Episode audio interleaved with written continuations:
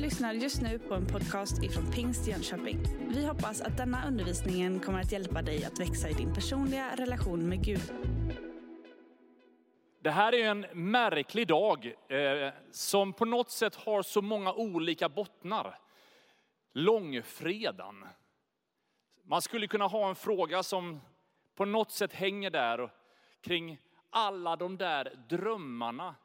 Alla de där bönerna. Alla de där sakerna som man ibland bär som på något sätt verkar obesvarade. Det var inte riktigt så som lärjungarna förväntade sig skulle liksom, hur det skulle sluta när de signade upp sig för att följa Jesus. Det var liksom så här, wow, klart vi följer med honom. Det verkar hända massa mirakler. Det är en auktoritet i det han säger.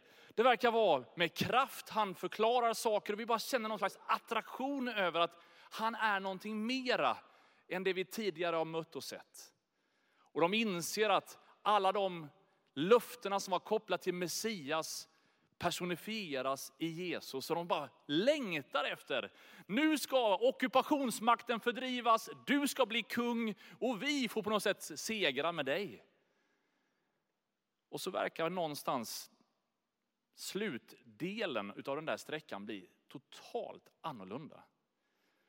Och vi möttes ju igår av skärtorsdagsgudstjänsten och Mikael Hallenius hade en fantastisk predikan igår. För er som inte hade möjlighet att vara med här så hoppas jag att den kommer ut på Spotify så småningom, eller våra sociala medier. Eh, så att du kan lyssna på den i efterhand. Eh, och Marita höll ju ett vittnesbörd igår som var helt fenomenalt. Jag vet inte, Marita, är du här idag? Vet inte. Ja, det var fantastiskt. Hör på det i efterhand helt enkelt. Men någonstans så möts vi i skärtorsdagen också en fråga kring det där att finns det en väg ut ur detta? Kan jag liksom slippa det här? Och vi möter ju liksom i Getsemane-trädgården en Kristus som kämpar till tårar och svett av blod. Av att Gud, jag skulle så gärna vilja att vi hittar en annan väg. Och om jag kan slippa den så gör jag gärna det, men ske din vilja, inte min. Kanske den starkaste bönen att kunna bedja, att någonstans bara säga Gud, det här är min ärliga, uppriktiga bön, men jag är också beredd att göra det som är på ditt hjärta. Och i den där långfredagen och i den där skärtorsdagen så tror jag att vi alla ibland befinner oss. Någonstans när livet kläs lite grann i moll. Vi försökte, flera av oss här nu, ha svarta kläder för att någonstans personifiera det tunga av den här dagen. Vi försökte dra ner så mycket vi kunde utav persienner, skapa lite dunkelt för att vi möts i den här texten kring långfredagen, hur hela världen faktiskt fångades utav mörker. Och att det där dunkla, det där, någonstans känns det som att döden vinner. Det känns som att ondskan någonstans segrar. Och så är verkligheten en helt annan. I den här påskhelgen så har vi ju en påskafton. Och imorgon ska vi ha en härlig påskfest för de som har anmält sig. Det finns säkert nåd för den som kom på nu att oj, det där skulle jag ju anmält mig till. Men eh, vi får se ifall nåden räcker, hur långt den räcker.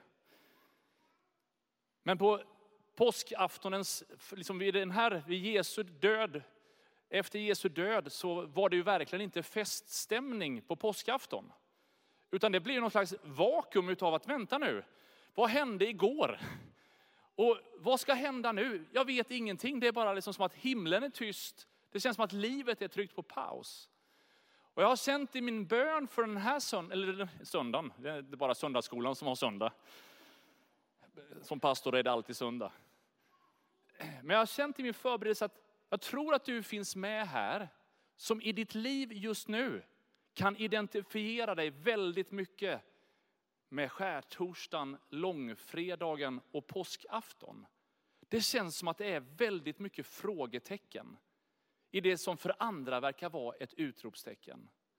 Men ditt liv går nu i en annan melodi, i ett annat tonläge utifrån olika situationer och omständigheter. Och jag hoppas att du den här enkla predikan några minuter framåt skulle få uppmuntra dig, ge dig tröst och styrka att lyfta blicken högre och längre.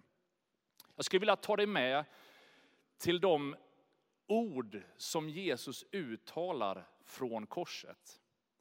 Jag tänker att vid livets slut så är det nog väldigt få av oss som undrar hur gick det i hockeymatchen igår?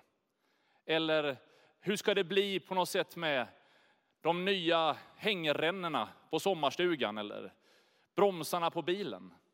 Utan i det där sista avgörande läget så tror jag att man klär i ord det som är riktigt, riktigt viktigt. Och det är också i de där pressade ögonblicken som man märker det som finns på insidan. Det är liksom det som är under tryck som någonstans blottlägger en hel del av kvaliteten där på insidan. Och jag tycker det är fantastiskt att möta Jesu orden från korset. Scenen är ju lite ironisk. Pilatus har ju satt en skylt ovanför Jesu kors där det står att här är judarnas kung. Vi i bibeltexterna har ju lärt känna och förstått att Jesus Kristus är Messias, Guds son. Han är kungars kung, alfa och omega. Men själva kröningen är inte en tron utan ett kors. Och de där liksom adjunkterna, betjänterna på sidan är ju inte några hovdamer eller vad det nu kan heta, utan det är ju två rövare, två skurkar. Och de som skulle hylla kröningen är ju inte liksom folkfesten, utan det är fienderna som alldeles nyss har ropat korsfäst, korsfäst honom. Likväl är det just en kung som kröns. Och där på korset, vi möter de olika evangelierna några olika ord. Det är inte något av evangelierna som har alla orden från korset nedtecknade. Så vi har inte liksom en fullständig bild av kronologin i när han säger exakt vad. Men vi ser en palett utav uttryck som manifesterar och proklamerar den Jesus är. Och ett av de första sakerna han säger där från korset är när han ropar ut, Fader förlåt dem, ty de vet inte vad de gör. Och jag skulle önska att du liksom verkligen hör Jesus säga det. Fader förlåt dem, för de vet inte vad de gör. Och att den förlåtelsen inte riktas bara till dem som där och då spikar upp honom, utan den riktas till oss alla på lite olika sätt. Romarbrevet säger så här att Gud bevisar sin kärlek till oss genom att Kristus dog för oss medan vi ännu var syndare. Med andra ord, hans kärlek är inte liksom villkorad av lång och trogen tjänst. Eller att om du bara fixar ditt liv först, då ska jag på något sätt överrösa min kärlek över dig och jag ska ta synden ifrån dig. Om du är en duktig pojke, Markus, så kommer du också få sitta vid mitt bord. Nej, han dukar fram en plats för dig och mig medan vi ännu är oförtjänta av den. Det är nåd, ovillkorad kärlek från himlen själv. Och så säger Romarbrevet också i kapitel 8, vers 1 att det finns ingen fördömelse för den som är i Kristus Jesus. Där på korset spikas Guds son upp för att bära min synd. Jag är orsaken till att han hänger där. Och ändå så är det inte hämnd, det är inte någon slags revanschlust i någon mening riktad mot mig, utan vi omfamnas av hans förlåt dem. De vet inte vad de gör. Och jag skulle önska att du den här långfredagen kunde bli lite amerikansk eller lite engelsk. För de kallar långfredagen för the good friday. Att jag förstår att den där långfredagen som på ett sätt bär mitt mörker, bär mina svårigheter. I ljuset av vad Jesus gör på korset så är det en god fredag. För utan den så skulle jag bli kvar i min synd. Utan den skulle jag få bli kvar i det som håller mig tillbaka. Mörkret skulle få sista ordet. Fader förlåt dem, för de vet inte vad de gör. Mitt i den där upplevelsen utav kamp och lidande och människors förakt. Vi förstår av andra icke-bibliska historieberättare att korsfästelsescener var ju vanliga i den här antika tiden.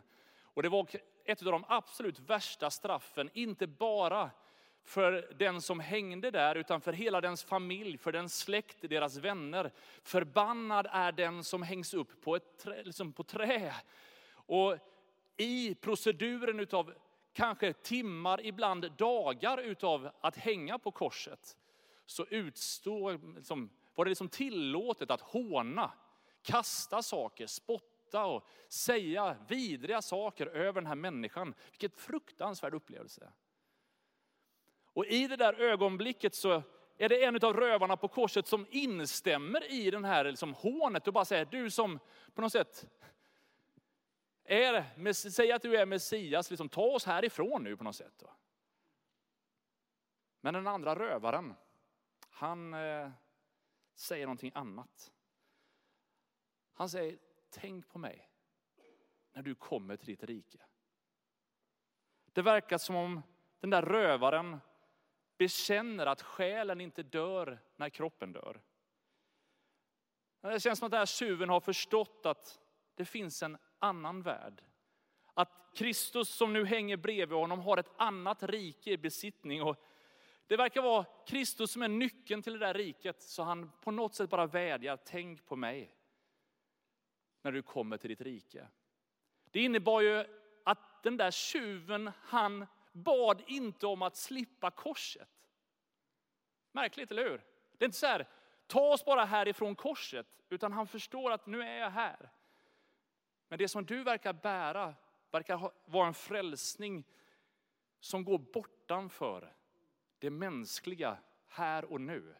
Att inte bara be om ett bönesvar för stunden, utan att någonstans bara säga, Herre, i det som är din evighet, det behöver jag.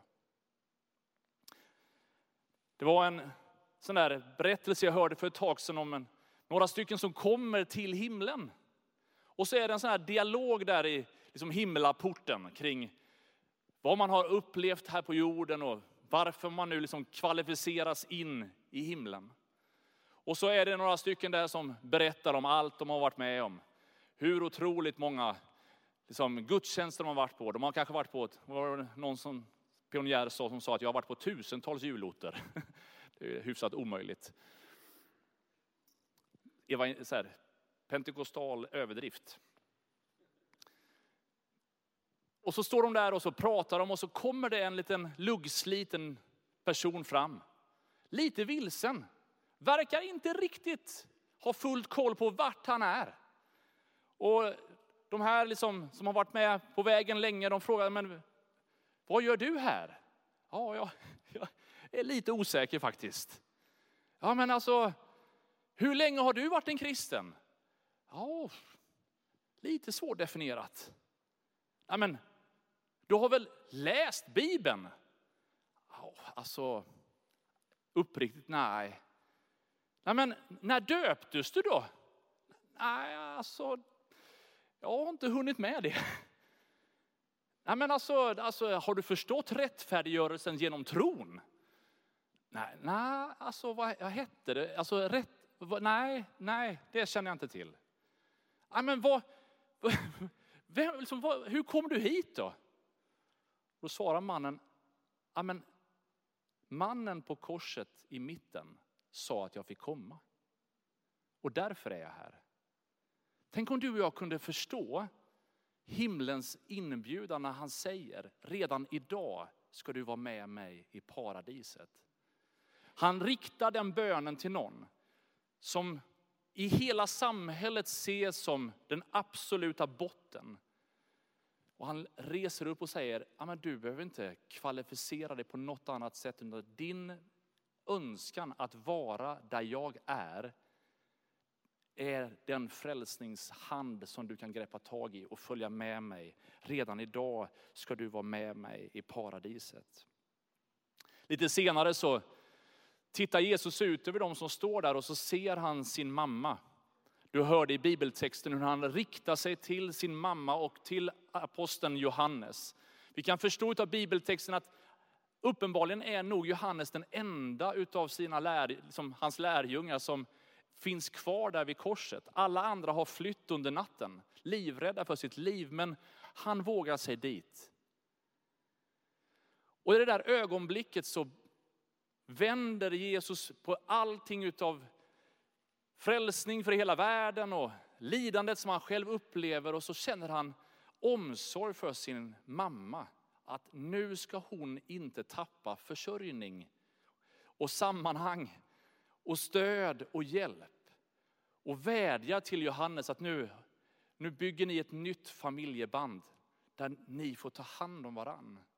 Och i hela den där frasen utav att här, kvinna, här är din son och här Johannes, det här är din mor, så förstår vi att Jesus är angelägen om våra mellanmänskliga relationer. Att där på korset så gör han någonting som också för oss samman. Där vi, oavsett om vi har biologiska band till varann, i Kristus blir familj och förväntas ha omsorg om varann. Och att vi skulle kunna förstå att där vid korset är det inte bara min synd som försonas, utan det är våra familjeband som också stärks. Efter en stund så törstar han och han talar ut, jag är törstig. Han som alldeles nyss har predikat att den som tror på mig, ur hans inre ska det strömma strömmar av levande vatten. Han som är det levande vattnet verkar nu ha brist på eget vatten. Vi förstår av de som kan kroppen och kan korsfästelsescenariot att ett av de, förutom den absoluta smärtan just när spikarna spikas i, så är det den här långsamma förblödningen och törsten som var outhärdlig. Det där som på något sätt man inte härdar ut längre. Och att Jesus gestaltar det, talar ut det, förklarar också för oss hur djupt smärtan gick i hans kropp. Och det blir ännu tydligare när timmen slår och att hela tillvaron blir helt mörk. Mitt på ljusan dagen så kommer ett stort mörker och lägger sig som ett lock över hela världen. Och så talar han ut ännu en fras från korset där han höjer sin röst och säger, min Gud, min Gud, varför har du övergett mig? Kanske den mest fruktansvärda av känsla att vara övergiven. Att inte vara innesluten utan få vara helt förlorad åt sig själv. Det står så här i andra Korintierbrevet kapitel 5 att den som inte visste av synd, honom har Gud i vårt ställe gjort till synd för att vi i honom skulle stå rättfärdiga inför Gud. Det var det som han brottades med där i ett semane. Han visste att om jag ska gå hela den här vägen så kommer jag få uppleva det där totala mörkret. Där jag känner att jag är törstig. Jag känner att jag håller på någonstans och bara försmäktar. Och det kommer bli mörker och all världens synd läggs nu på mig. Och den kommer bli så påtaglig att jag upplever Gud som totalt frånvarande. Och han gör det för att gå ner till det absoluta botten. För att inte någon utav oss ska behöva vara där. Han ställer sig i den platsen av Guds övergivenhet för att vi aldrig ska uppleva den. Salmisten säger att även om du vandrar genom dödsskuggans dal fruktar jag inget ont. Löftet till Josua var att jag ska aldrig lämna dig eller överge dig. Det finns otroligt många löften där Jesus nu kliver ner i det absoluta utav mörker för att där bryta mörkrets kraft och ge dig och mig ett nytt perspektiv, ett nytt sätt att leva våra liv. Tre timmars mörker, livets absolut största långfredag. Kanske är det så att du finns med här som har fått ett jobbigt sjukdomsbesked eller kanske alldeles nyss har förlorat en nära anhörig eller något annat som just nu sänker och mörkar din blick. Kanske är det till och med så att du har börjat tvivla på fall det är på riktigt. Det känns som att himlen är allt för tyst. Det verkar som att till och med Gud har övergett dig. Åh, att du kunde förstå att det som händer där på korset är att möta upp dig precis i de situationerna. Det Jesus gör flera gånger under alla de här olika uttalanden från korset, det är faktiskt att han också anknyter till flera andra bibelsammanhang. Och just det här, Gud min Gud, varför har du övergett mig? Då citerar han psalm 22. Och i den judiska traditionen så var det gång på gång så här att ibland så citerar man bara första versen. Och så fick den vara symbol för hela salmen. Så att man visste liksom att jag, genom att citera början så citerar jag också slutet. Och du får jättegärna den här långfredagen när du kommer hem läsa hela psalm 22. För den tar oss med i lidandet, i den här gudsövergivenheten, men den slutar inte i moll, utan den går från lidande till seger. Och någonstans så hoppas jag att vi inte parkerar våra liv i den svartklädda långfredagen, utan att vi lyfter blicken och förstår att han är större och mera. Nu är det bara timmar, minuter kanske från att Jesus tar sina sista andetag. Och så säger han, Fader i dina händer överlämnar jag min ande. Även här citerar han en gammal Psaltarpsalm, psalm 31. Och det som är så vackert flera gånger här, det är att Jesus anknyter till begreppet Abba fader. Han, det är den bönen han ber i ett semane. Det är samma sak som han säger här, Fader i dina händer överlämnar jag min ande. Och vi märker någonstans det här barnaskapets självklarhet. Att någonstans i livets absoluta, liksom, konstigaste, mest besvärliga stund så blir Gud inte liksom, bara den som är långt borta allsmäktig, utan man får kliva upp i hans faders armar.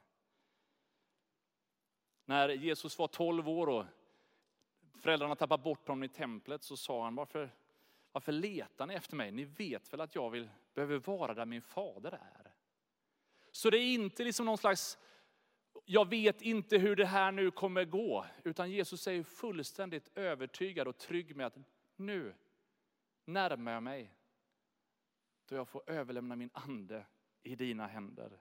Och jag får återvända till min faders hus. Fram till den här stunden så tror jag att alla där vid korset förundras över både vad han säger och vad som sker. Men det är fortfarande bara mörkt. Vid några tillfällen under den här perioden så står det med betoning att han höjer sin röst. Att han tar i lite extra. Och då säger han, det är fullbordat. Och jag skulle önska att du den här långfredagen kan ta till dig hälsningen från himlen att ditt mörker är inte liksom för alltid. Din livssituation som den är nu behöver inte definiera resten av ditt liv. Utan det finns någon som har gjort någonting för dig och för min skull och för din skull på ett sånt tydligt sätt så att det förändras för alltid. Det var inte ett misslyckande där på korset utan det var helt i hans plan. Och han ropar ut, det är fullbordat. Och så står det så här i Kolosserbrevet 2. Ni som var döda på grund av era överträdelser och er oomskurna natur. Också er har han gjort levande med Kristus. Han har förlåtit oss alla överträdelser och strukit ut det skuldebrev som med sina krav vittnade mot oss. Det har han tagit bort genom att spika fast det på korset. Han har klätt av välderna och makterna och förevisat dem offentligt när han på korset triumferade över dem. Vi ska inte ta ut liksom uppståndelsetexten redan på långfredagen idag. Men det är inte så att vi får vila, liksom vänta på någon form av uppståndelsedag och att någonstans var det osäkert vad som hände där på korset. Nej, när Jesus sa det är fullbordat, så gjorde han ett frälsningsverk där på korset som bröt skuldbrevet, syndabrevet. Han triumferade över allt det mörka. Och den där korsets triumf, har vi ju all anledning att fira. Jag älskar, mina föräldrar de har liksom inpräntat en del sånger i mitt liv. Och det finns massor sånger i gamla segertoner som ibland så här kommer till liv i samband med att man läser de här texterna. Och segrare från Golgata, jag hälsar dig med fröjd. Din segerfana vajar än från blodig offerhöjd. Att någonstans kunna blicka upp på det där stora korset och inte bara tänka på min synd, min skuld, mitt straff som jag slapp, utan någonstans känna liksom att han blev det för hela världen. Och denna fruktansvärda lidande utstod han för att han älskar oss så mycket. Hur kan jag annat än att bara säga tack Jesus? En långfredag som denna så borde lovprisningen vara lätt. För jag förstår att hade jag inte haft Jesus, vad skulle jag ta vägen med allt det där som lätt slår fast mörkret över mig? Jag ska avsluta med att läsa från Hebreerbrevet där det står så här. När vi nu har en så stor sky av vittnen omkring oss, låt oss då lägga bort allt som tynger och särskilt synden som snärjer oss så hårt och löpa uthålligt i det lopp vi har framför oss. Låt oss ha blicken fäst på Jesus, trons upphovsman och fullkomnare. För att nå den glädje som låg framför honom uthärdar han korset utan att bry sig om skammen och sitter nu på högra sidan om Guds tron. Tänk på honom som fick utstå sådan fiendeskap från syndare så att ni inte tröttnar och tappar modet. Här på den här sidan evigheten så är det ingen av oss som kommer att undgå att ibland vara i skärtorsdagens känsla. Herre, finns det en annan väg? Skulle jag kunna slippa detta? Ibland så kommer du och jag hamna i situationer där vi blir präglade av livets långfredag. Det känns som att döden vinner, mörkret blir väldigt, väldigt mörkt. Ibland kommer vi vara i den där påskaftonen när vi känner bara att men, det var inte så här det skulle bli. Då ska vi fästa vår blick på korset. Tänka på vad Jesus gjorde på korset. Och tänka att han sa det är fullbordat. Det är klart, jag har gjort någonting för er som gör att du i livets skärtorsdag, långfredag, påskafton kan få närma dig de situationerna ändå med en ton av seger. Inte att förneka, förringa det som kan vara lidande och prövning. Men jag vet att prövningen är inte slutet. Han har sagt någonting och han har gjort någonting som ger mig ett annat förhållningssätt. Vi läste inledningen av den här gudstjänsten från Jesaja 53, att det var våra sjukdomar han bar. Det var våra smärtor som han tog på sig. Han blev genomborrad för våra brott, slagen för våra synder. Straffet blev lagt på honom för att vi skulle få frid och genom hans sår är vi helade. Observera presensformen. Det finns någonting när han säger det är fullbordat som gör att mitt liv kan jag leva nu med en annan tonart, en annan, jag byts ut från moll till dur. Och i slutet av Jesaja 53 så står det att när du gör hans liv till ett skuldoffer får han se avkomlingar och leva länge och Herrens vilja ska ha framgång genom hans hand. Och så står det lite i vers 12, eftersom han utgav sitt liv i döden och räknades bland förbrytare, han som bar de många synd och gick in i överträdarnas ställe. När du gör hans liv till ett skuldoffer, det är egentligen det enda förbehållet. Han som har gett sitt liv för världen. Han säger, du behöver ta emot denna frälsningens gåva. Och nu skulle jag bara önska att vi ber lite grann där vi sitter. Du får gärna bara knäppa dina händer, sluta dina ögon. Och så skulle jag bara vilja att vi tar någon liten stund där du får ransaka dig. Finns det skäl, anledning till att idag lämna ifrån dig synd och skräp som du känner att det här, nu vill jag lägga det vid hans kors så att hans förlåtelse och frid kan få råda i mitt liv. När man lever med skuld och skam och synd och elände, då begränsar det både livsglädje och frimodighet. Och Jesus han dör där på korset för att befria oss från det. Så alldeles strax så ska du få bara ta emot syndernas förlåtelse. Om du den här dagen känner det finns områden som jag bara behöver säga Jesus förlåt. Rena mig, befria mig. Så att det som är lite nedstämda steg skulle kunna få vara frimodiga steg efter den här gudstjänsten. Där jag får lyfta blicken lite högre, titta med lite klarare blick.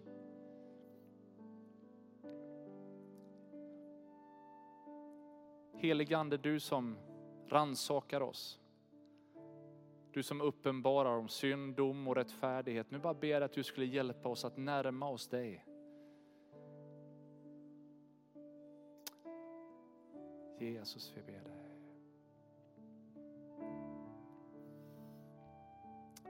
Tack Jesus. Du har just lyssnat på en podcast ifrån Pingst Jönköping. För att få reda på mer om vilka vi är och vad som händer i vår kyrka så kan du gå in på pingstjonkoping.se eller följa oss på sociala medier via pingstjkpg.